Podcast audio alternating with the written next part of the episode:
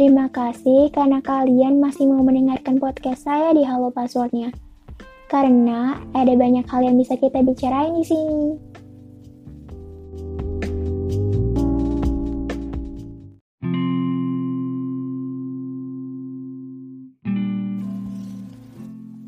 Memaafkan diri sendiri.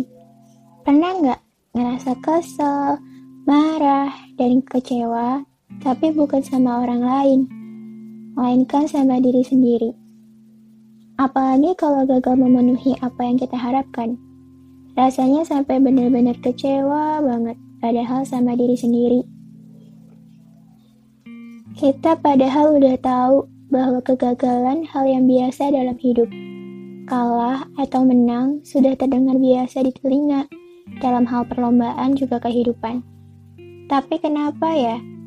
Kenapa setiap kita gagal masih tetap merasa sakit hati banget? Rasanya kayak ditampar terus dihajar habis-habisan. Padahal kita udah tahu gimana pedihnya upacara kesedihan dalam hal kegagalan.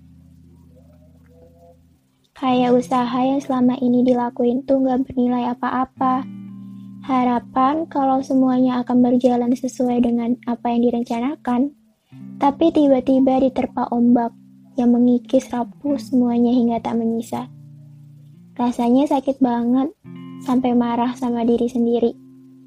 Berpikir kalau kegagalan itu bertanda bahwa kita itu nggak bernilai apa-apa. Di saat orang lain berbahagia tapi kitanya enggak, di saat orang-orang nanya, gimana? Lolos kan? Rasanya cuma bisa senyum sambil geleng kepala nahin air mata. Bisa nggak sih ngertiin perasaan orang lain? Harapan kalian terlalu besar pada kita, tanpa tahu gimana susahnya kita buat wujudin itu semua.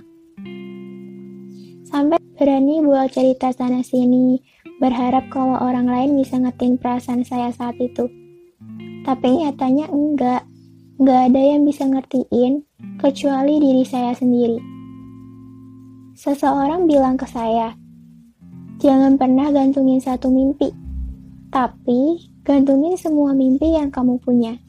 Karena kalau satu mimpi kamu gak kegapai, kamu masih punya mimpi yang lain, hingga kamu masih harus berjuang buat wujudin itu semua.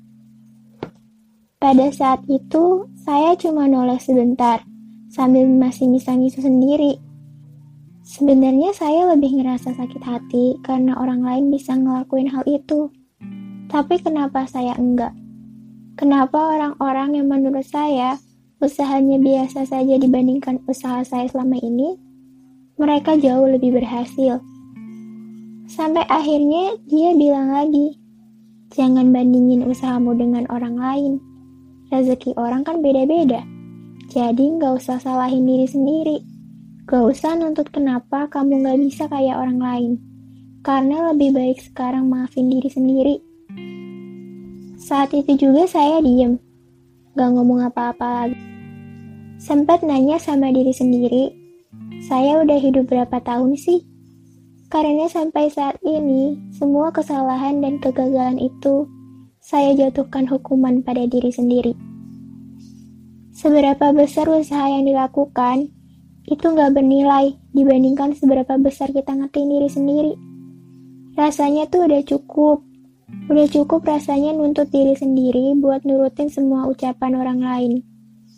Udah cukup rasanya menghakimi diri karena iri dengan pencapaian orang lain. Udah cukup ngejar-ngejar kepuasan tanpa mikirin betapa lelahnya diri sendiri.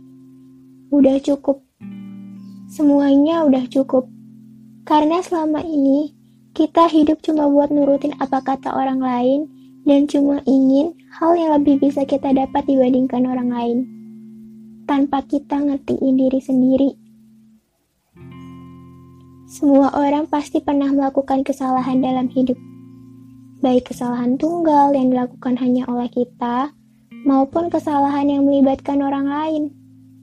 Tapi sayangnya, kita biasanya lebih mudah memaafkan orang lain ketimbang memaafkan diri sendiri. Padahal memaafkan diri sendiri adalah hal yang lebih penting dan lebih dulu perlu dilakukan sebelum memaafkan orang lain. Dan saya pikir, kenapa nggak mulai sekarang maafin diri sendiri? Maafin segala hal kalau misalnya belum bisa mencapai apa yang diinginkan. Sampai akhirnya saya bilang, gak apa-apa kalau saat ini gagal. Namanya juga hidup. Hari esok kita coba lagi ya, dengan usaha yang lebih dari ini dan semoga menjadi lebih baik lagi. Jangan pernah kalian nuntut diri sendiri ya, dan jangan membandingkan diri sendiri dengan usaha orang lain. Kalau sekarang kalian gagal, bukan berarti Tuhan gak sayang, tapi Tuhan masih ingin mendengarkan setiap doa yang kita panjatkan padanya. Karena ya, namanya juga manusia. Di saat kita menginginkan suatu hal yang kita dambakan, pasti kita mau coba untuk selalu dekat pada Tuhan. Dibandingkan dari biasanya kan? Maka dari itu, Tuhan masih ingin kalian dekat padanya. Dan sebenarnya Tuhan itu adil. Cuma kitanya aja yang gak tahu kalau apa yang menurut kita nggak baik adalah keputusan terbaik menurutnya.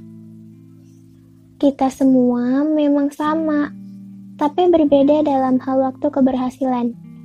Proses berhasilnya orang itu selalu berbeda. Kita cuma bisa menunggu giliran saat Tuhan mengatur alur ceritanya.